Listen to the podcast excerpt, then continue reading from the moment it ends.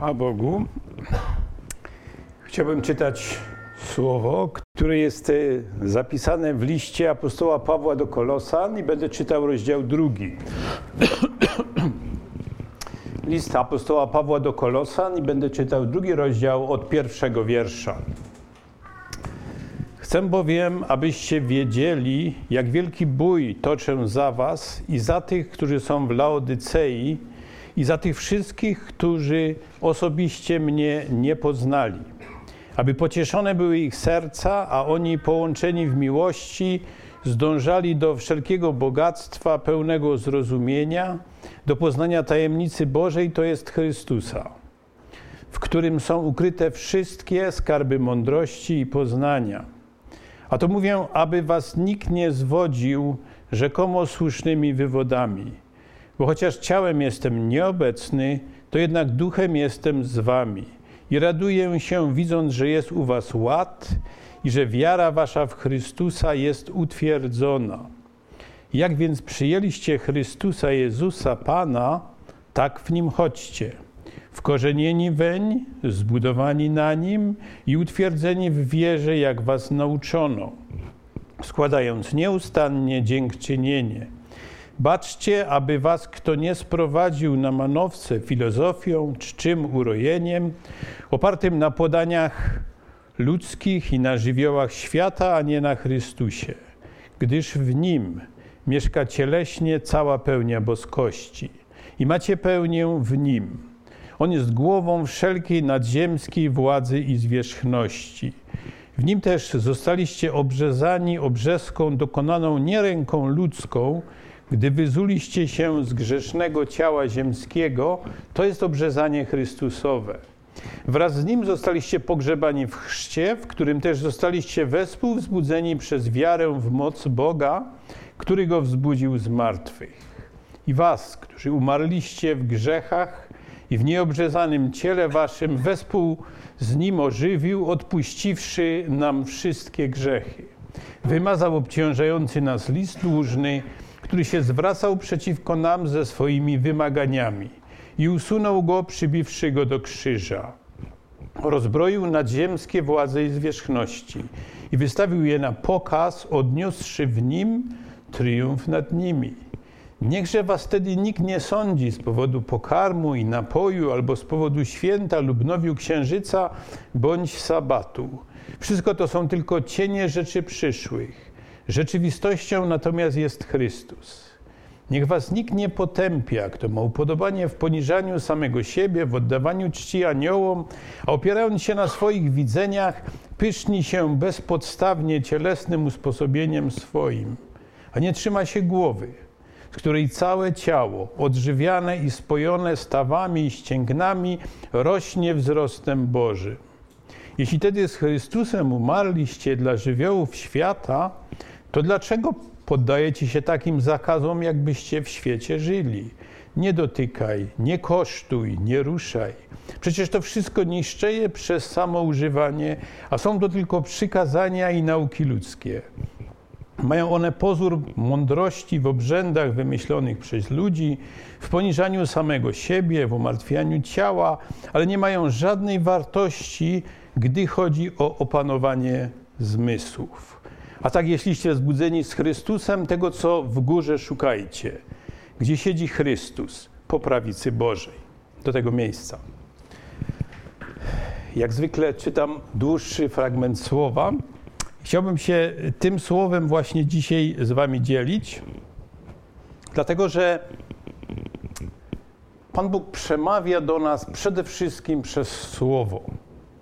Tutaj żeśmy dzisiaj już e, sporo słyszeli na temat tej sytuacji, która była za ostatnie dwa i pół, czy nawet trzy miesiące.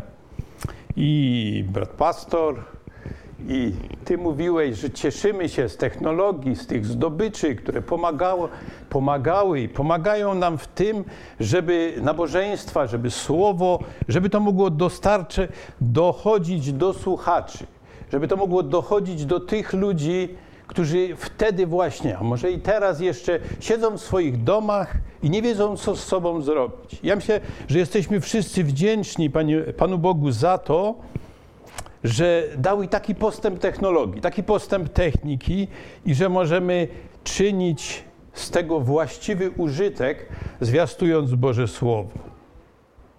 Cóż, ale co by mógł powiedzieć apostoł Paweł? Dwa tysiące lat wcześniej nie było internetu, nie było telefonów, nie było SMS-ów, no nie było możliwości takich jak dzisiaj, aby ze sobą się tak szybko, łatwo komunikować. Nie było takich rzeczy. Apostoł Paweł nie miał tego, a mimo to wiemy, co apostoł wszystko uczynił. I apostoł Paweł używał też pewnego środka technicznego, który był w tamtych czasach, a to były listy.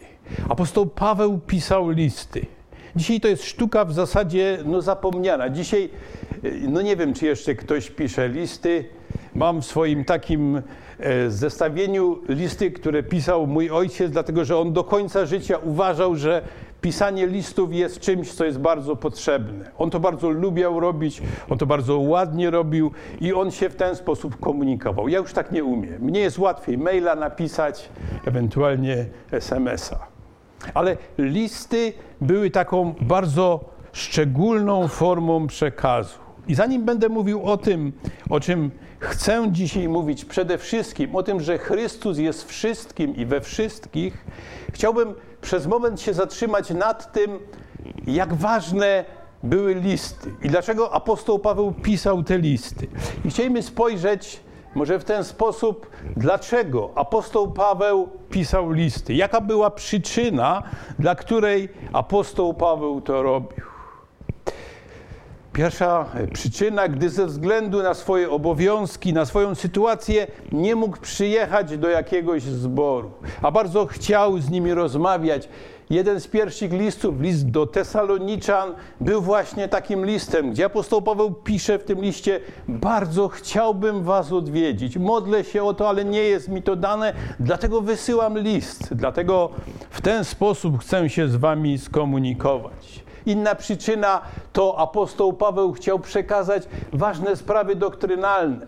W zborze w Galacja, w zborach w Galacji były te problemy, jak traktować obrzezanie, jak podchodzić do zakonu. I wtedy apostoł Paweł napisał list, napisał list do nich, aby był taki traktat, który o tym, o tym mówi. Apostoł Paweł w swoim czasie, e, będąc e, w Efezie, potem w Koryncie, planował wybrać się do zboru w Rzymie, którego nie znał. I zanim do tego zboru się wybrał, to on napisał do nich list do Rzymian, który jest bardzo znanym listem, listem, który jest taką syntezą nauki Pawła inna sytuacja. Apostoł Paweł, będąc w Efezie, otrzymywał zapytania od zborowników, od ludzi z innego zboru, konkretnie z Koryntu wówczas. I apostoł Paweł wtedy aż dwa listy napisał, gdzie odpowiadał na pytania zborowników, aby im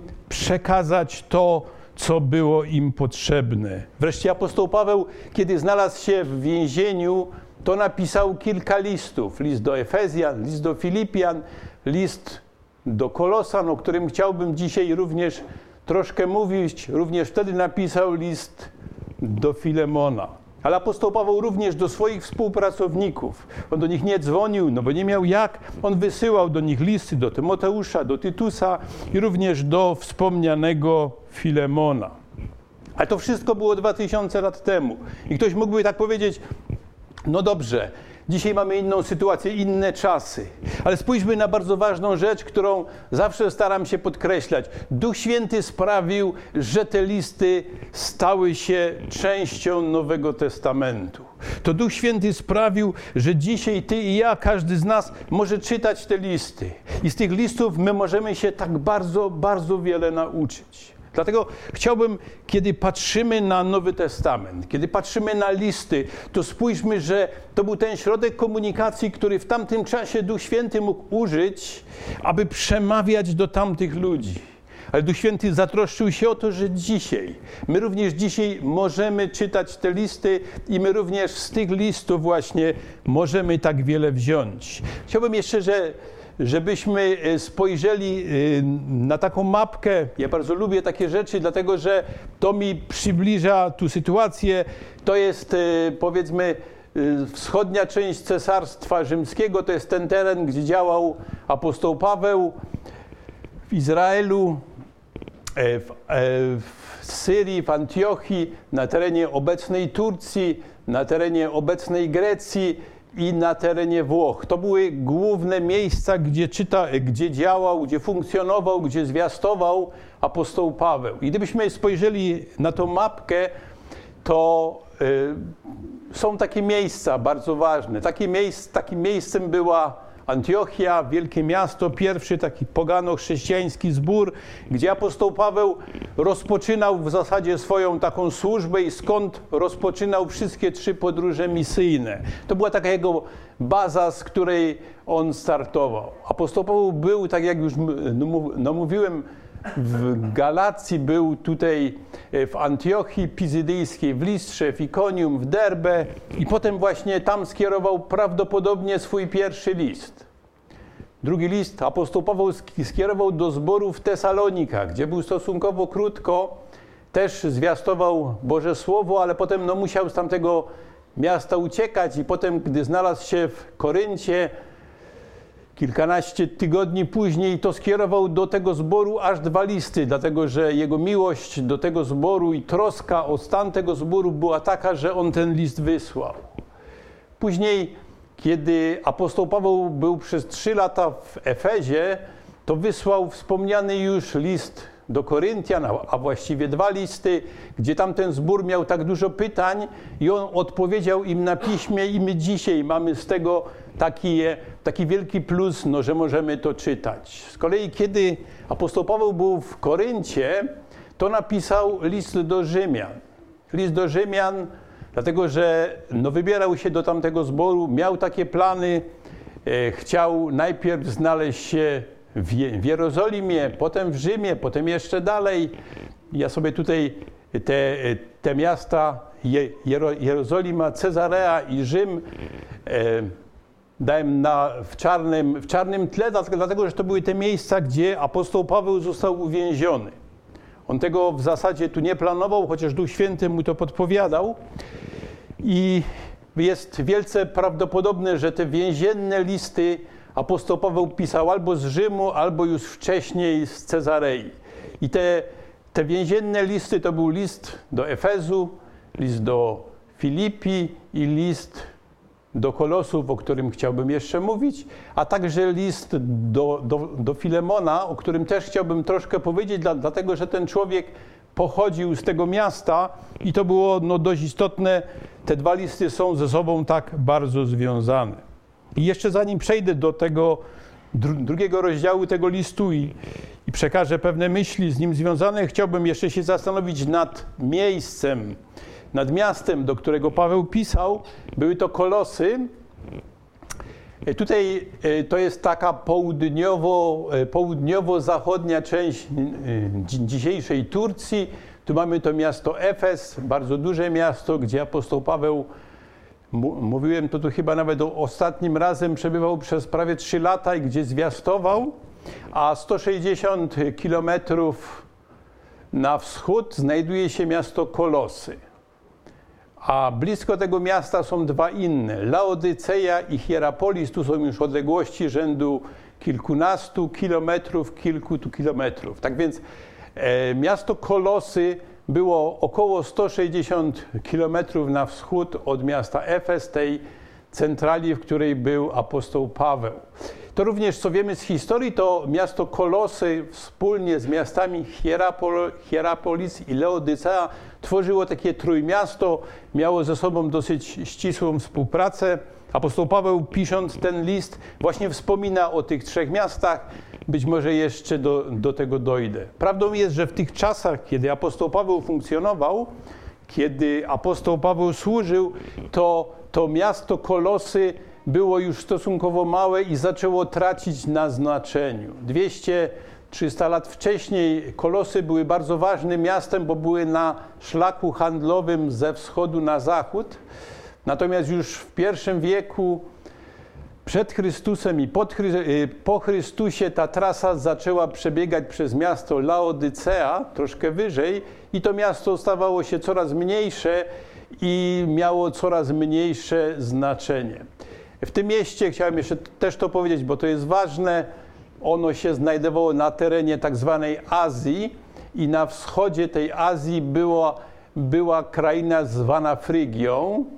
Frygią, dlatego to było miasto frygijskie i mieszkali w tym mieście głównie Frygijczycy, czyli jak gdyby ci, którzy tam byli zawsze, ale również sprowadzili się Grecy, Żydzi i było również troszkę Rzymian. To byłoby mniej więcej tyle na temat tego miasta. To nie było duże miasto, tak jak wspomniałem.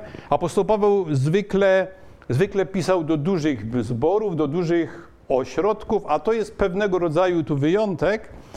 I też chciałbym o tym tu powiedzieć. Apostoł Paweł pisał nie tylko do wielkich miejsc, do wielkich środowisk, ale również pisał do małych miejsc, do małych zborów, do małych społeczności. Jeśli chodzi o historię powstania tego zboru, zboru w Kolosach, to nie mamy aż tak dużo informacji. Nie mamy e, w dziejach apostolskich wprost tu napisane, czy apostoł Paweł był w tym mieście. Prawdopodobnie raczej nie był. Natomiast mamy pewne wskazówki, które, które w jakiś sposób nas na to na, naprowadzają i chcielibyśmy zobaczyć na parę y, wskazówek. Pierwsza jest taka, w dziejach apostolskich w rozdziale 19, w wierszu 10 czytamy tak, kiedy apostoł Paweł był w Efezie, to czytamy tak. I działo się to przez dwa lata, także wszyscy mieszkańcy Azji, Żydzi i Grecy, mogli usłyszeć słowo Pańskie. Łukasz, który pisze tą historię, który, który pisze Księgę Dziejów Apostolskich, tak bardzo jasno mówi, że kiedy apostoł Paweł był w mieście Efes, ja się może jeszcze cofnę, kiedy był tutaj w tym mieście, to cała Azja, to był mniej więcej ten teren, miała okazję do tego, aby słyszeć słowo Pańskie. Prawdopodobnie to wyglądało w ten sposób, że ludzie przychodzili, przyjeżdżali w jakiś sposób do Efezu, dlatego że kiedy czytamy ten rozdział 19 dziejów apostolskich, to możemy tam zauważyć, że bardzo wiele rzeczy się tam działo. Były rzeczy, które były bardzo publiczne i powodowały to, że ludzie byli zainteresowani, że ludzie byli ciekawi, co to takiego się nagle dzieje. Tak może troszeczkę jak i w tych dzisiejszych czasach z tą naszą pandemią. Ale chcielibyśmy spojrzeć dalej, także to mamy taki ślad, który wskazywałby troszkę na to, że prawdopodobnie Prawdopodobnie w tym czasie, kiedy apostoł Paweł był w Efezie, to Słowo Boże doszło do tamtego miasta, do Kolosów.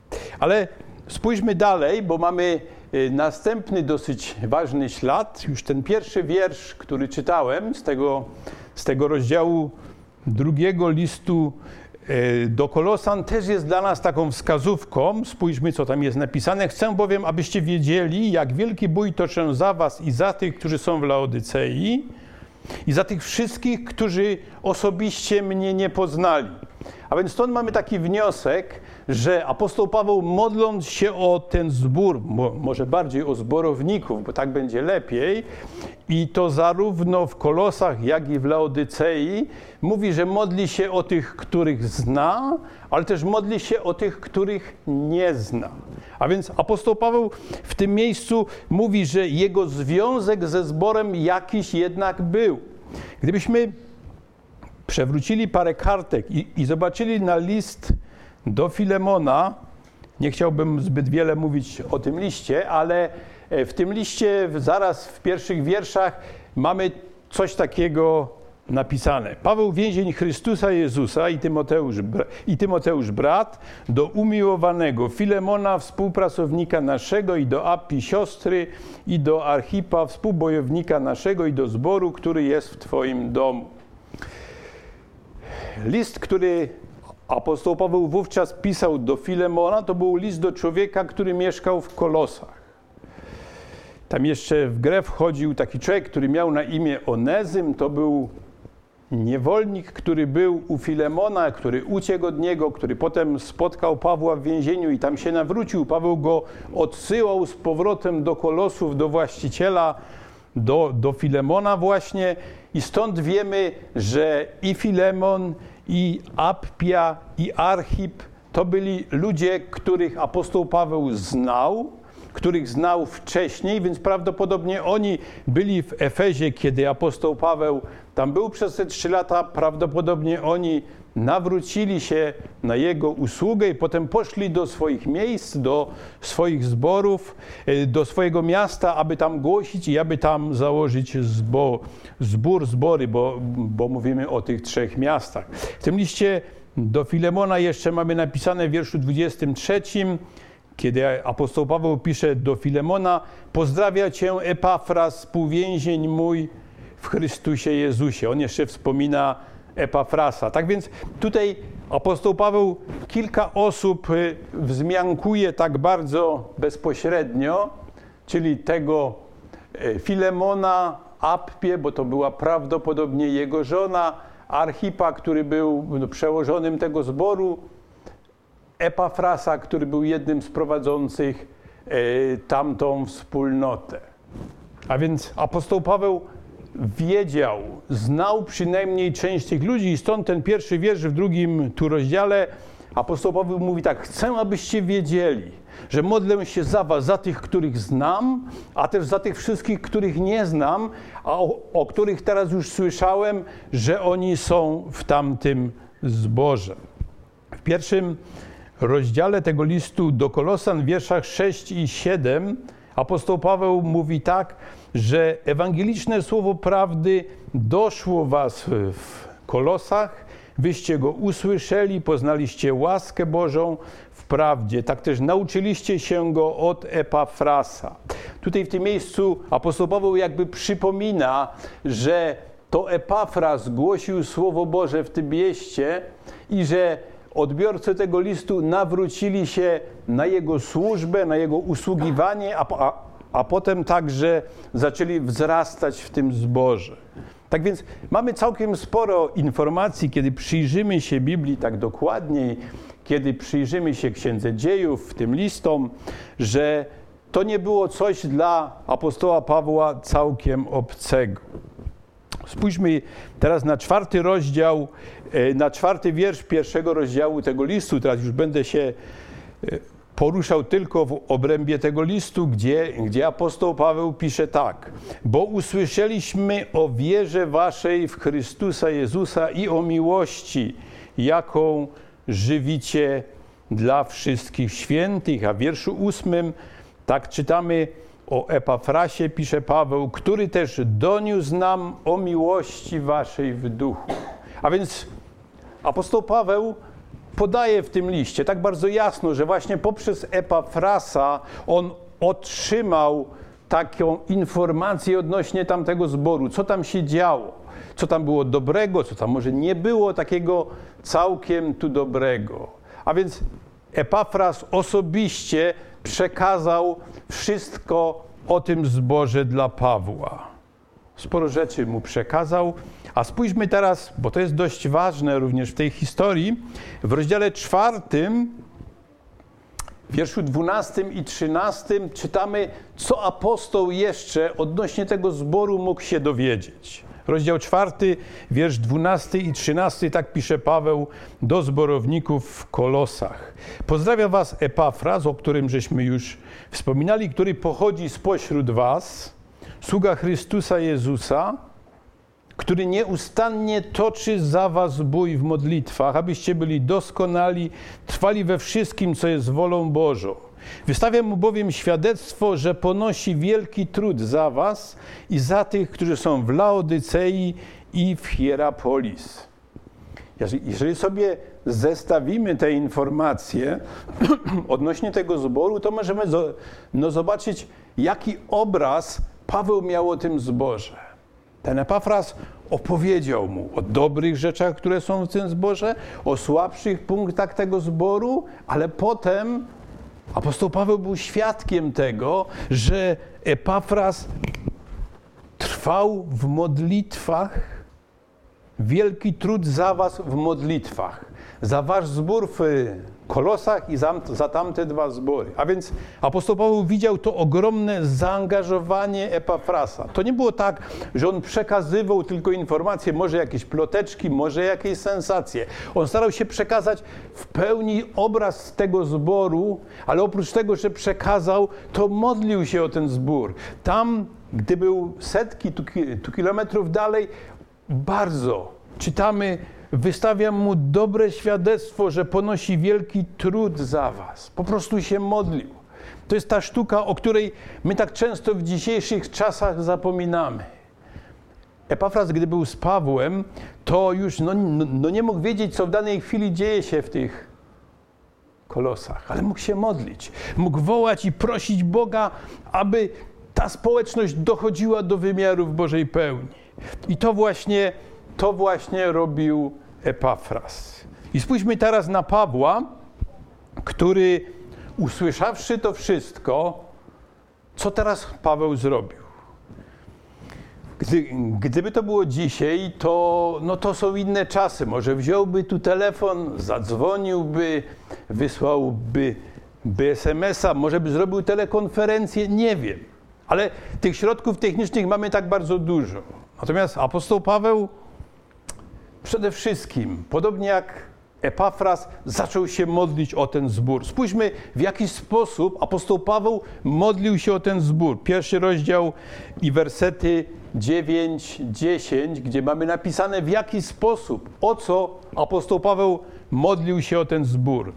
Dla, dlatego i my od tego dnia, kiedy to usłyszeliśmy, nie przestajemy się za Was modlić i prosić, abyście doszli do pełnego poznania woli Jego we wszelkiej mądrości i duchowym zrozumieniu. Abyście postępowali w sposób godny Pana ku zupełnemu Jego upodobaniu, wydając owoc w każdym dobrym uczynku i wzrastając w poznawaniu Boga. Są w zasadzie takie dwa obszary, o które modlił się apostoł Paweł. Przede wszystkim o poznawanie woli Bożej o poznawanie Słowa Bożego, byśmy dzisiaj tak powiedzieli. A druga rzecz, o którą się modlił Paweł, aby oni postępowali w sposób godny Pana. Kiedy my spoglądamy na listy Pawła, to najczęściej to są te dwa obszary modlitw, na te dwa obszary, na których koncentrowały się modlitwy apostoła Pawła. Z jednej strony, aby wzrastało poznanie Boga, ale z drugiej strony, aby prowadzić życie godne Boga, godne powołania. A więc to jest to, to jest to, co apostoł Paweł mógł zrobić.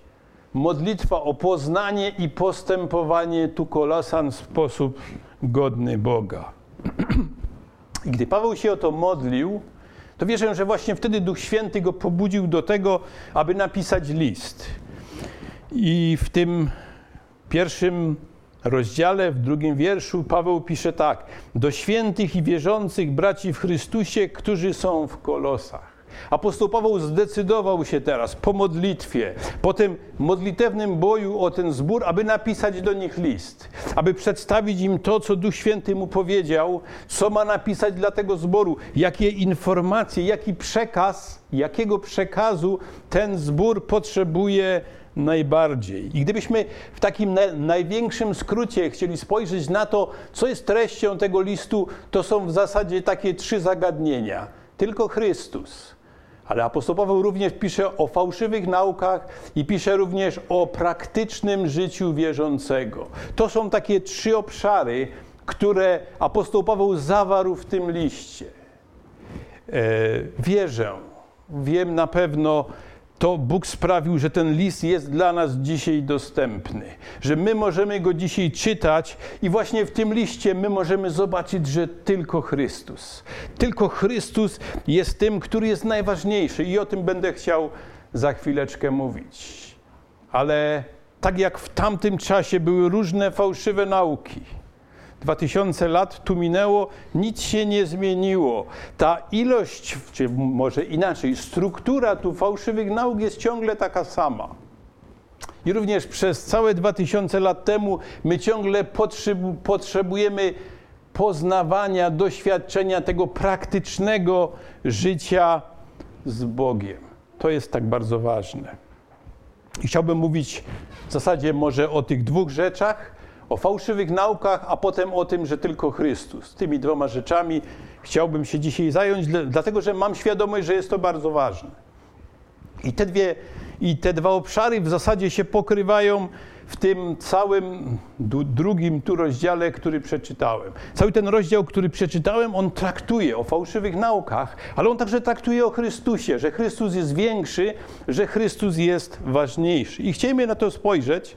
Może najpierw o jakich fałszywych naukach, czy może inaczej, nawet o jakich fałszywych tendencjach apostoł Paweł pisze do tego zboru, które mogły tam występować i które tam no, występowały. I chcielibyśmy tak spojrzeć na to po kolei, jakie fałszywe nauki były właśnie w tamtym zborze. Pierwsza rzecz, w drugi rozdział, werset czwarty i ósmy, który żeśmy czytali, ja może go powtórzę. Werset czwarty, który mówi tak, a to mówię, aby was nikt nie zwodził rzekomo słusznymi wywodami i wiersz ósmy, baczcie, aby was kto nie sprowadził na manowce filozofią i czczym urojeniem opartym na podaniach ludzkich i na żywiołach świata, a nie na Chrystusie.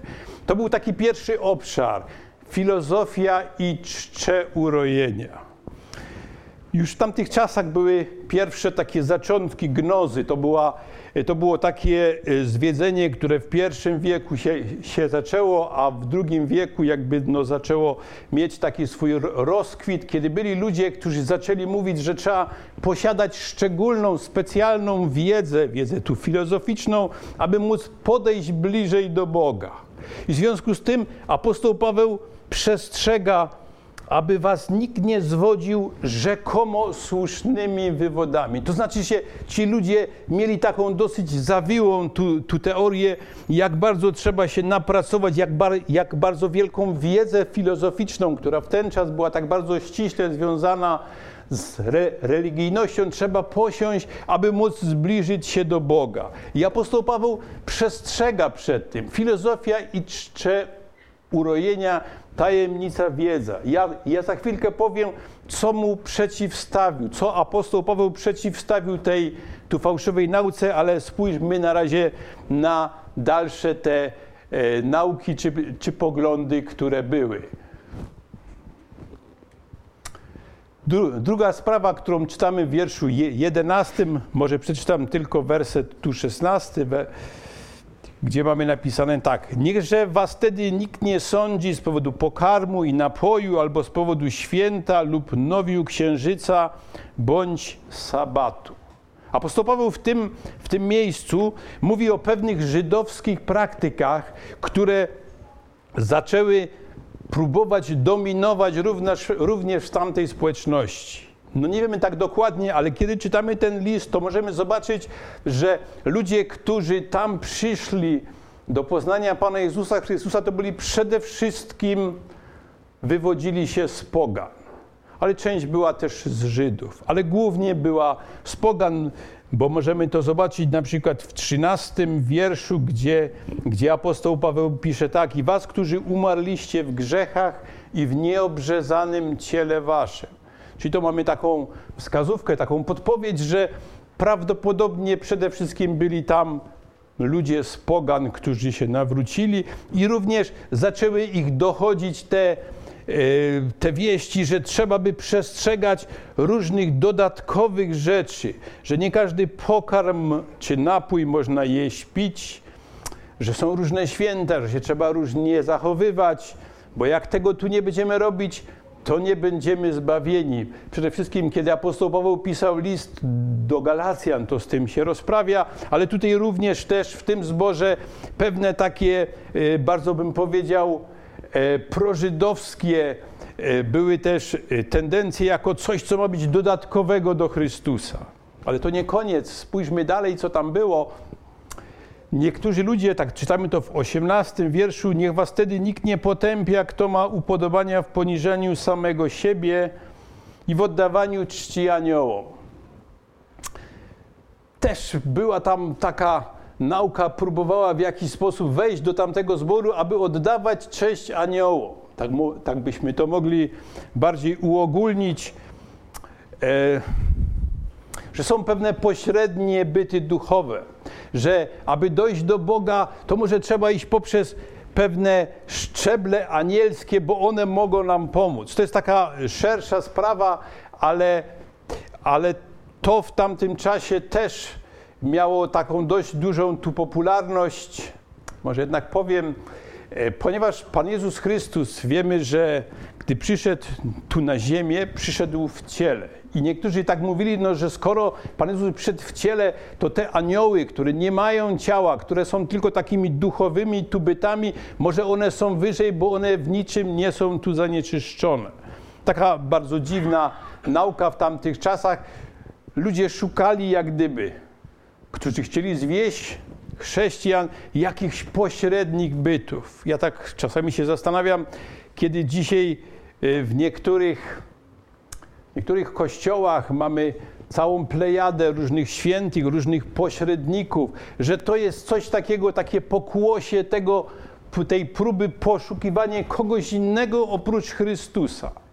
Tam ci ludzie próbowali głosić kolosanom, że aniołowie tworzą taką strukturę, taką drabinę, poprzez którą oni by mogli się szybciej zbliżyć do Boga. Ja zaraz też powiem, że to była całkowicie tu fałszywa nauka. To jest trzecia i spójrzmy jeszcze na czwartą, o której czytamy w wierszach 20 do 23. Ja to jeszcze raz przeczytam. Jeśli wtedy z Chrystusem umarliśmy, umarliście dla żywiołu świata, to dlaczego podajecie się takim zakazom, jakbyście w świecie żyli? Nie dotykaj, nie kosztuj, nie ruszaj Przecież to wszystko niszczeje przez samo używanie, a są to tylko przykazania i nauki ludzkie. Mają one pozór mądrości w obrzędach wymyślonych przez ludzi, w poniżaniu samego siebie i w umartwianiu ciała. A więc byli też ludzie, którzy głosili konieczność takich praktyk ascetycznych, legalistycznych, takich właśnie jak nie dotykaj, nie kosztuj i nie ruszaj.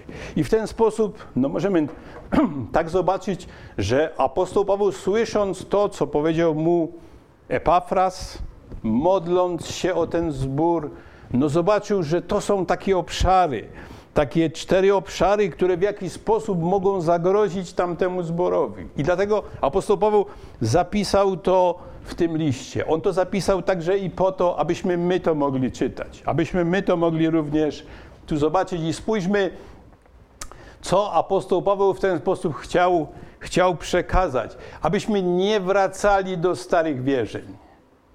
Tak jak wspomniałem, tam byli ci naturalni Frygijczycy, którzy mieli jakieś swoje naturalne religie, byli Grecy, którzy mieli swoją tu filozofię, byli Żydzi, którzy przychodzili z, cał, z, całym, e, z całym bagażem tu judaizmu, byli także i Rzymianie. I, I oni wszyscy jak gdyby wnosili ze sobą pewien bagaż. I dlatego apostoł Paweł tak bardzo mocno mówi do nich: nie wracajcie do tych starych wierzeń.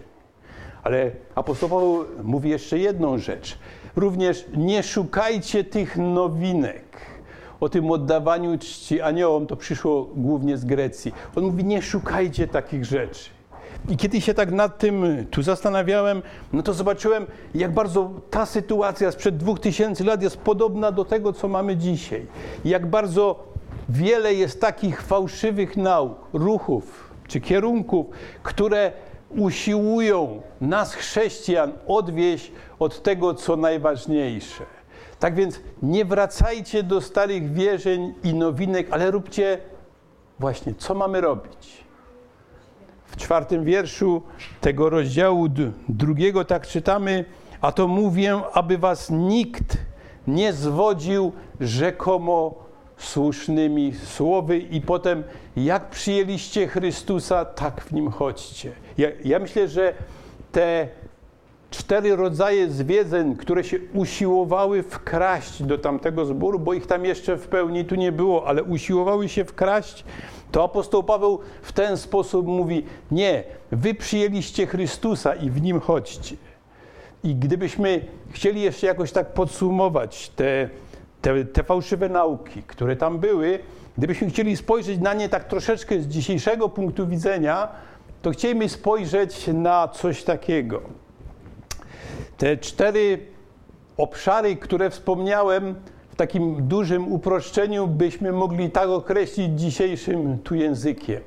Pragmatyzm, sakramentalizm, mistycyzm i ascetyzm.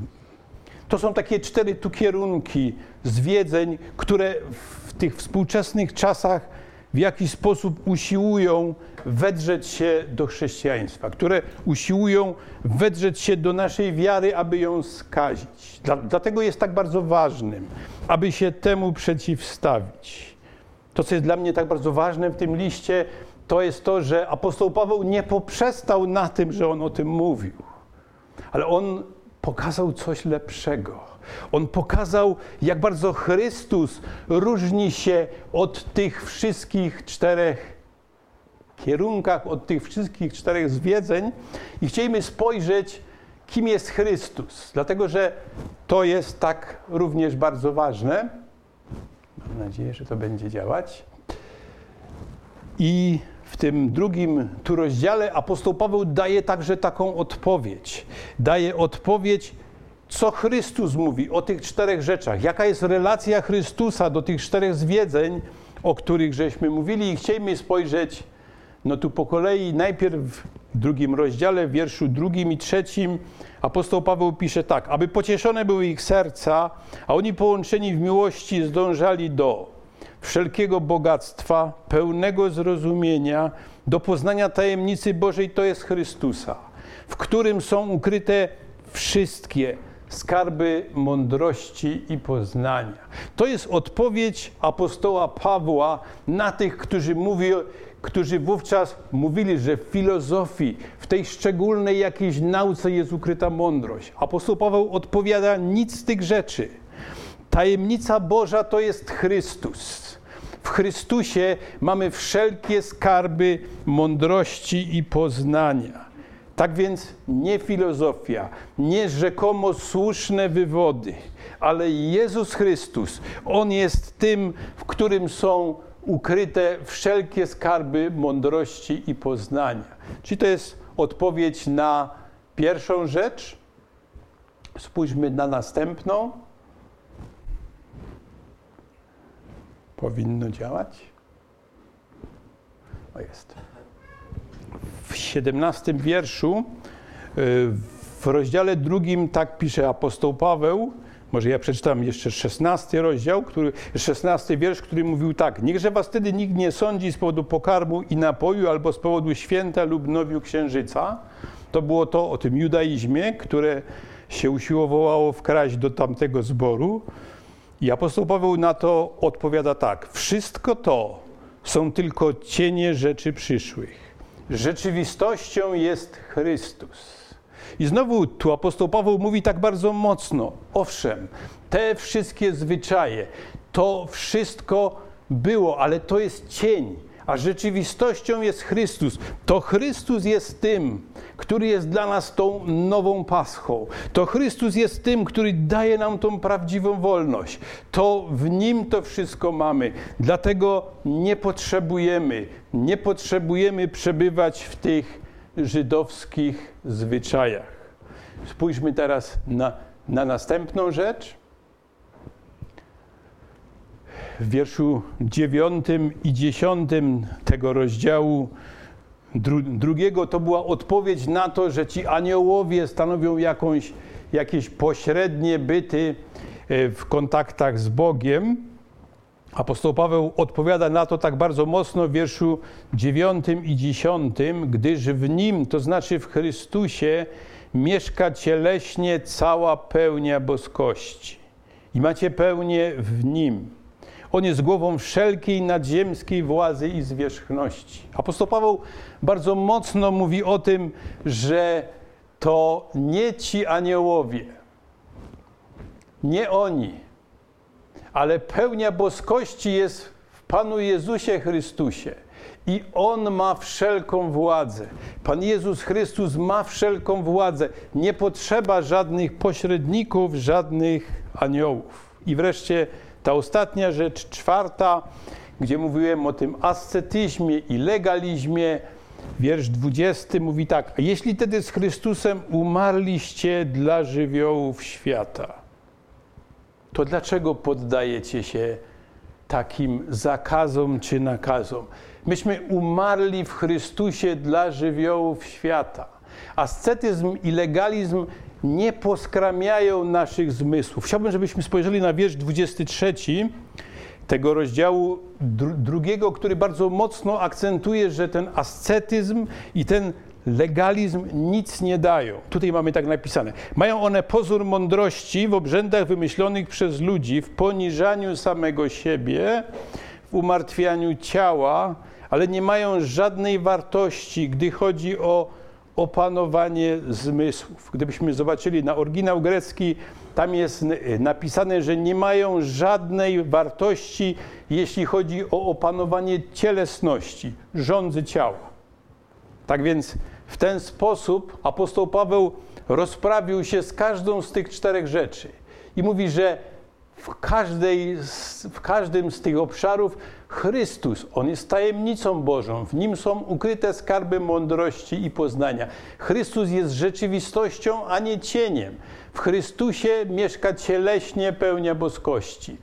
Chrystus ma wszelką władzę, a nie żadni aniołowie. I wreszcie w Chrystusie umarliśmy dla żywiołów tego świata.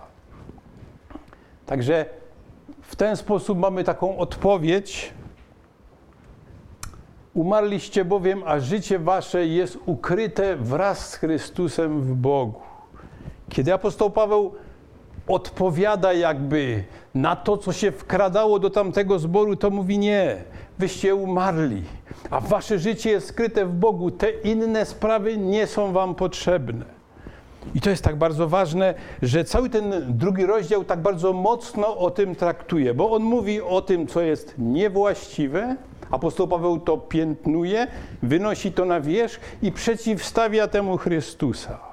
Chrystus jest daleko większy.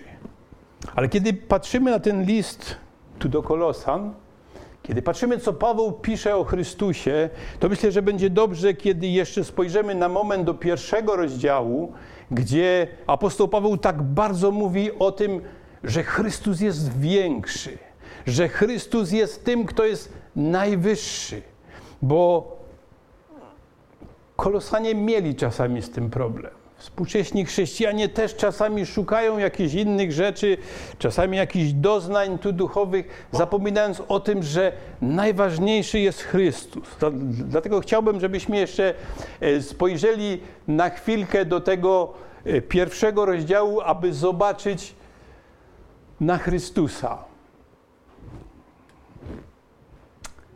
Chrystus to jest ktoś większy. I chcielibyśmy spojrzeć po kolei 15 wierszu pierwszego rozdziału mamy tak napisane, że On, to znaczy Chrystus, jest obra obrazem Boga niewidzialnego, pierworodnym wszelkiego stworzenia. Ja się bardzo cieszę, że jest to napisane w tym liście. Chrystus jest obrazem Boga niewidzialnego. Gdybyśmy spojrzeli do Ewangelii Jana, do rozdziału pierwszego i chyba do wiersza tu szesnastego, gdzie mamy tak, tak napisane, że Boga nikt nigdy nie widział, ale jednorodzony Bóg, który jest na łonie Ojca, objawił go. Czasami są ludzie, którzy podważają to miejsce, bo mówią, że jest to jedyne miejsce, które w ten sposób to opisuje. Ale apostoł Paweł w wielu miejscach, również w tym liście, mówi tak, że Jezus Chrystus jest obrazem Boga niewidzialnego. E, w szesnastym wierszu, w następnym mamy tak napisane, ponieważ w Nim, to znaczy w Chrystusie, zostało stworzone wszystko, co jest na niebie i na ziemi. Rzeczy widzialne i niewidzialne, czy trony, czy panowania, czy nadziemskie władze, czy zwierzchności, wszystko przez Niego i dla Niego zostało stworzone. A więc w Panu Jezusie Chrystusie zostało stworzone wszystko. To jest również tak bardzo ważna informacja, że w nim zostało stworzone wszystko, co jest na niebie i na ziemi. Często, gdy czytamy takie stwierdzenie na niebie i na ziemi, to możemy popatrzeć wszystko to, co duchowe i wszystko to, co materialne. To wszystko zostało stworzone w Chrystusie. Również ci aniołowie, o którym pisał apostoł Paweł, zostali stworzeni w Chrystusie Aniołowie są istotami stworzonymi. One zostały stworzone w Panu Jezusie Chrystusie. Trzecia rzecz również, która jest tak bardzo ważna, to Chrystus jest przed wszystkimi rzeczami, werset 17. On też jest przed wszystkimi rzeczami i wszystko na nim jest ugruntowane. Te trzy wiersze, 15, 16 i 17, tak bardzo mocno pokazują na to, kim jest Pan Jezus Chrystus, obraz Boga niewidzialnego. W nim zostało wszystko stworzone, rzeczy widzialne i niewidzialne. Chrystus jest przed wszystkimi rzeczami i wszystko na nim jest ugruntowane. Ten obszar, który apostoł Paweł tutaj opisuje, odnosi się do tej boskiej natury Pana Jezusa Chrystusa. Pan Jezus Chrystus jest w pełni Bogiem, jest Synem Bożym, który ma takie atrybuty. Ale spójrzmy dalej, w następnych wierszach, w wierszu 18 czytamy także, czytamy, On także jest głową ciała Kościoła.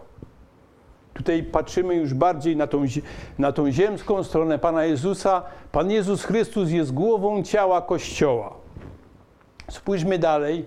Ma, mamy napisane, że On jest początkiem pierworodnym z umarłych. Chrystus jest tym, który jest pierworodnym z umarłych, który powstał z martwych jako pierwszy.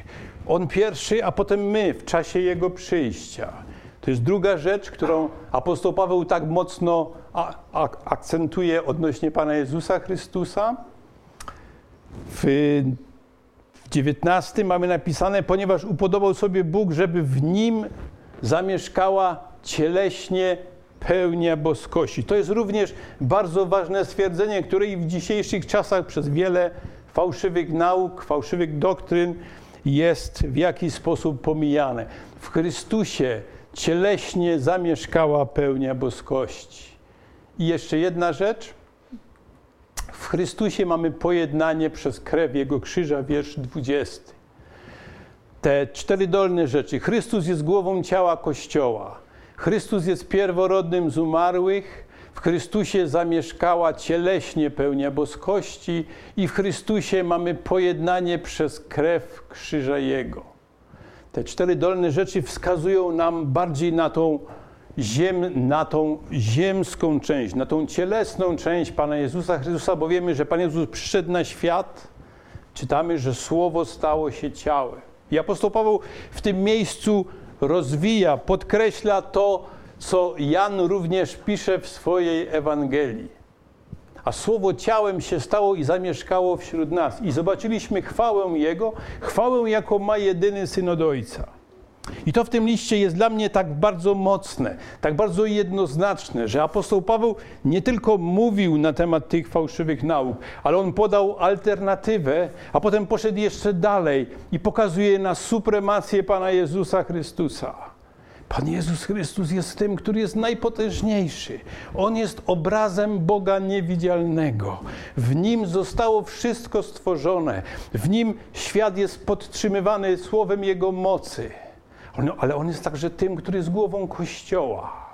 A my jesteśmy Jego ciałem, o czym będę jeszcze zaraz mówił. A teraz spójrzmy dalej. Apostoł Paweł, przedstawiając te rzeczy, które były tak bardzo mocne, on miał problem. On miał taki problem, o którym wspomniałem, że apostoł Paweł był w więzieniu.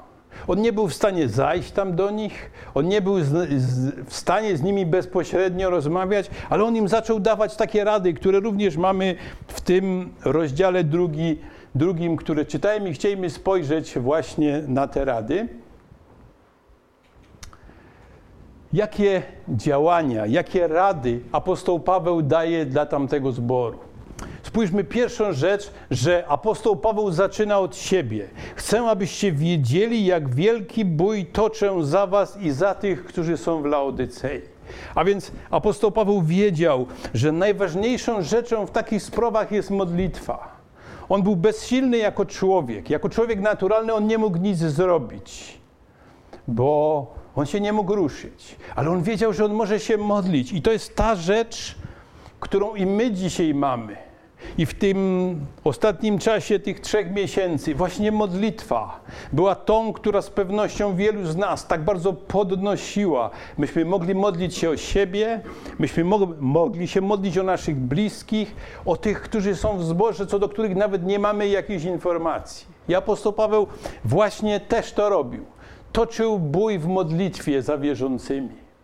W wierszu apostoł Paweł mówi, że się cieszy. Wiersz piąty mówi tak, bo chociaż ciałem jestem nieobecny, to jednak duchem jestem z wami i raduję się, wiedząc, że jest u was ład i wiara wasza w Chrystusa jest utwierdzona. On miał tą świadomość, słysząc to, co usłyszał od Epafrasa, że jest u nich porządek, że jest u nich ład, tak jak czytamy, i że ich wiara w Chrystusie jest utwierdzona. To było dla niego radością. Czyli to była druga rzecz. Spójrzmy na następną rzecz, która tam była.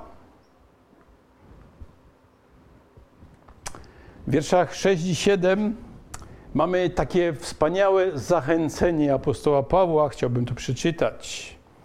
Jak więc przyjęliście Chrystusa Jezusa Pana, tak w Nim chodźcie. Wkorzenieni weń, zbudowani na Nim i utwierdzeni w wierze, jak Was nauczono, składając nieustanne dziękczynienie. Spójrzmy, że najpierw tak pisze Paweł, że się cieszy, że ich, cieszy się z ich wiary i porządku. Ale potem mówi tak, ja Was zachęcam, abyście dalej wkorzeniali się byli coraz bardziej wbudowani w Pana Jezusa Chrystusa, coraz bardziej w Nim utwierdzeni. Apostoł Paweł miał świadomość niebezpieczeństw, które czyhają i on je tak bardzo mocno wyartykułował w tym liście. Ale mówi, ale co wy macie robić? Abyście byli wkorzenieni, zbudowani i utwierdzeni. W jaki sposób jest to możliwe dzisiaj, abym ja, abyś Ty mógł być wkorzeniony, zbudowany i utwierdzony w Panu Jezusie Chrystusie? Ja mocno wierzę, że jest to przede wszystkim przez czytanie Bożego Słowa, że to Boże Słowo utwierdza mnie w tym prawidłowym spoglądaniu na Chrystusa. To słowo także karmi mojego wewnętrznego człowieka, abym mógł w tym wzrastać, abym mógł być w tym coraz bardziej utwierdzony. Ale spójrzmy dalej, że że apostoł Paweł y, no, na tym nie spoczywa, ale w ósmym wierszu mówi tak: Baczcie, aby was kto nie sprowadził na manowce. A więc apostoł Paweł również zachęca do czujności. Słowo czujność jest tak, było tak bardzo ważne w tamtych czasach. I apostoł Paweł mówi: bądźcie czujni, żeby was ktoś nie sprowadził na manowce filozofią. Ja myślę, jak bardzo aktualne to stwierdzenie jest dzisiaj.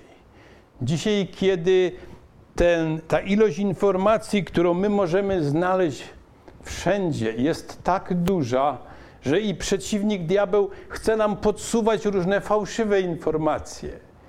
Nie tylko, to nie tylko te fake newsy, o których mówił pastor Tomasz, ale również jeśli chodzi o Boże Słowo, niewłaściwe interpretacje, fałszywe nauki. W związku z tym, jak bardzo ważnym jest to, baczcie, aby was kto nie sprowadził na, na manowce. Spójrzmy jeszcze dalej. W wierszu dziesiątym apostoł Paweł mówi tak: I macie pełnię w nim on jest głową wszelkiej nadziemskiej władzy i zwierzchności. Przypomina, że w Chrystusie mamy pełnię. Właśnie w Chrystusie mam pełnię.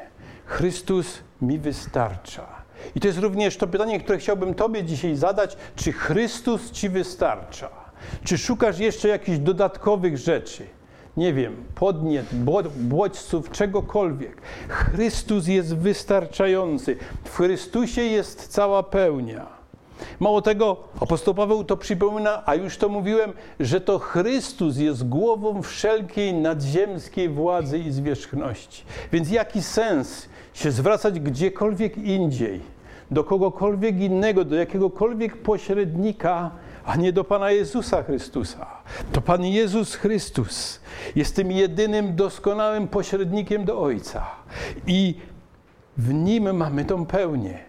Chciejmy sobie z tego zdawać sprawę i chciejmy to praktykować. I jeszcze jedna rzecz. O, to już za daleko poszliśmy. Cofniemy się, mam nadzieję. jest taka tu zachęta w tym trzecim rozdziale, pierwszym wierszu, który przeczytałem na koniec. Może wtedy Was to zadziwiło, kiedy czytałem ten tekst. A tak, jeśliście wzbudzeni z Chrystusem, tego, co w górze szukajcie, gdzie siedzi Chrystus po prawicy Bożej. Apostoł Paweł dokładnie wiedział, co pisze.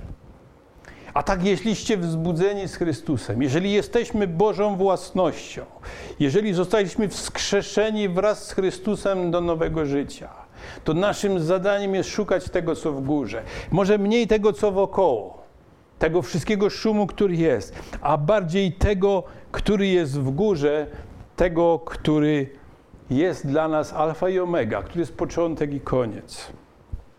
Chciałbym teraz jeszcze przekazać dwie takie myśli z tego listu, które są tak bardzo mocne i które tak bardzo mocno wskazują na to, e, czego powinniśmy się trzymać. I chcielibyśmy spojrzeć na takie dwie przewodnie myśli, które apostoł Paweł zostawił w tym liście dla nas.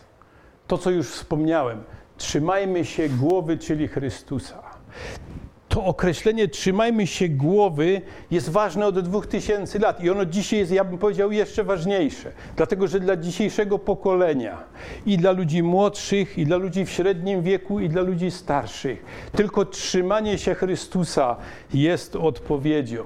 Spójrzmy, dlaczego mamy trzymać się Chrystusa. Są trzy takie przyczyny, które, które są ważne i które apostoł Paweł przedstawia nam w tym liście Chciejmy na to spojrzeć. Pierwsze, Chrystus jako głowa jest tym, który nas odżywia. To Chrystus jest dla nas tym prawdziwym pokarmem. Druga rzecz, Chrystus jako głowa łączy nas razem.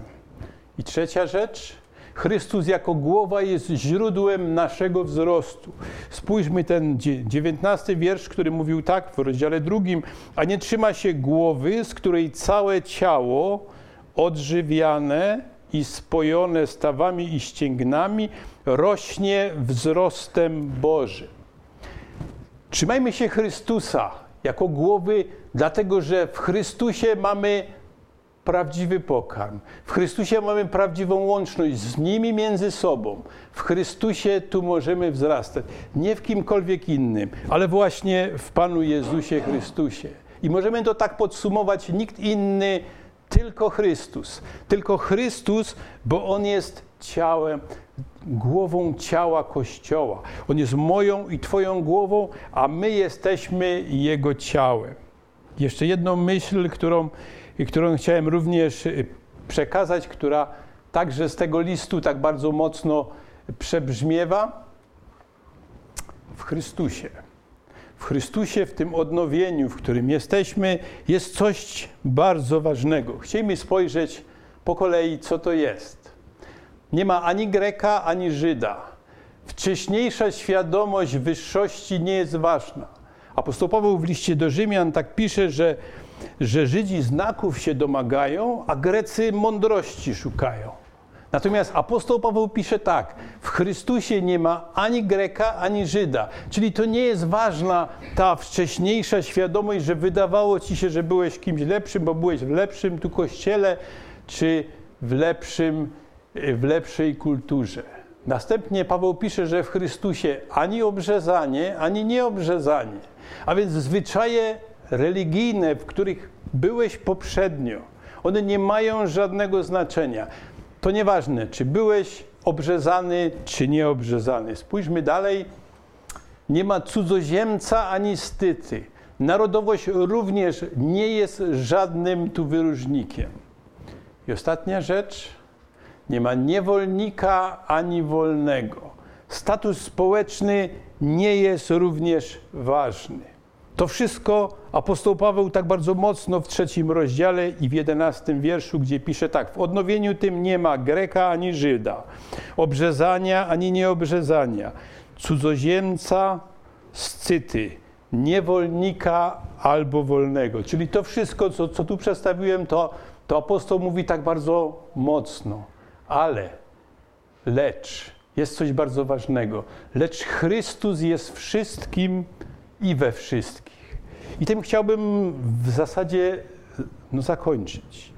To jest tak bardzo ważny list, List, który mówi o tym, aby nie ulegać żadnym fałszywym naukom, ale że Chrystus jest wszystkim i we wszystkich. Chrystus również jest w Tobie. Jeżeli jesteś Bożym dzieckiem, to Chrystus jest w Tobie i nie potrzebujesz niczego innego, ale potrzebujesz w Chrystusie jako w głowie wzrastać w Niego jako w tą głowę, w Nim mieć społeczność z innymi, dochodzić do wymiarów pełni w Chrystusie i niech Bóg by nam w tym dopomógł. Amen.